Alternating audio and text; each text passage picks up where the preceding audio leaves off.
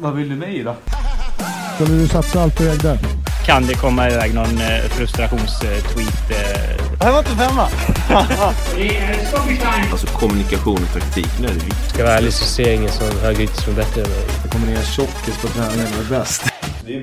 10 december och den tionde luckan i Are You Sirius julkalender.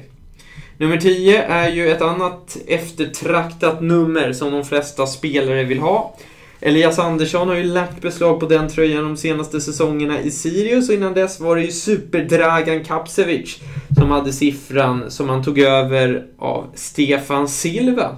Johan Pettersson och Alhaji Sosse var ju de som inledde decenniet i, i den tröjan. Men dagens lucka har hittat en lite underskattad spelare, tycker jag själv, som var med om att ta Sirius till Superettan. Och den jag pratar om är ju Joakim Pajen Runnemo som kom till Sirius inför säsongen 2013 och skrev på på självaste nyårsafton från Ljungskile. Bara en sån sak.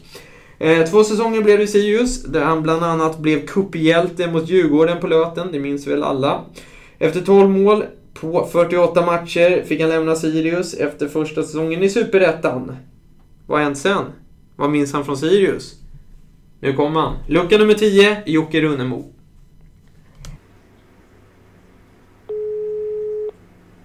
Varför jag hade nummer 10, det vet jag inte om jag var så inblandad i. Jag fick nog eh, förslaget från dåvarande tränare. Och då tog du det? Ja, så oödmjuk var jag att jag tackade ja. Har det varit viktigt för dig genom åren eh, vilket nummer du har på tröjan eller? Nej, det var väl mer när man var liten sådär som det var en grej. Men då var det nummer 8, 10 har aldrig varit någon grej för mig. Det är det som de flesta vill ha annars känns det som. Ja, den har inte sånt rykte men eh, jag tyckte jag var nog lite obekväm med att eh, få den tror jag, men så väl jag. Eh, det var ju... Jag, jag tror inte jag har den jag är inte riktigt en profilstark nog att ha 10 längre. Men jag fick försöka bära den med stolthet.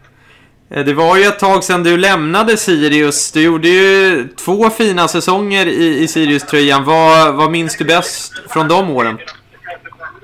Eh, ja, det var ju mycket kul som hände då. Det var ju när vi gick upp där från ettan var ju jäkligt kul och lite cupäventyr och sådär som var roligt. Det var mycket som var superkul. En Hur, hur följer du Sirius idag? Eh, ja, jag följer väl mest via livescore. Kanske kollar någon match och sådär tyvärr. Försöker kolla lite på TV och sådär. Mindre än jag skulle vilja. Och eh, ja, du lämnade ju Sirius där efter året i, i Superettan. Kan du dra med på din resa som följde sedan? Eh, min resa. Jag var ju i Frej i fyra år. Eh, och pluggade samtidigt. Och sen eh, förra året lade jag ner så att, och började jobba. Jag jobbade halvtid eh, på hos Frej också. Och då åkte Frej ur direkt här när du la av. det var en intressant ledande fråga. Jag skulle inte säga att sambandet var just sånt, men de åkte ur i år, ja. Eh, vad, vad jobbar du med? Vad gör du nu för tiden? Eh, managementkonsult på ett företag som eh, jobbar med att eh, skapa sma- effektiva samarbeten Mm. ute hos kunderna. Så det är ett managementkonsulting och forskningsbaserade modeller för samarbete. Du är ändå inte lastgammal sådär. Saknar du inte fotbollen?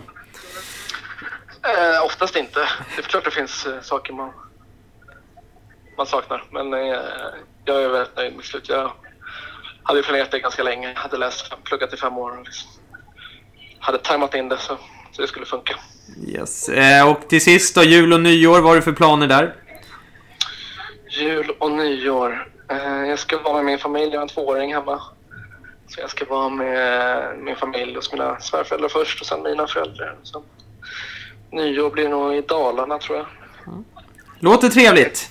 Ja men tack du. Ja, men grymt Jocke. Då får du ha en trevlig vistelse i Köpenhamn.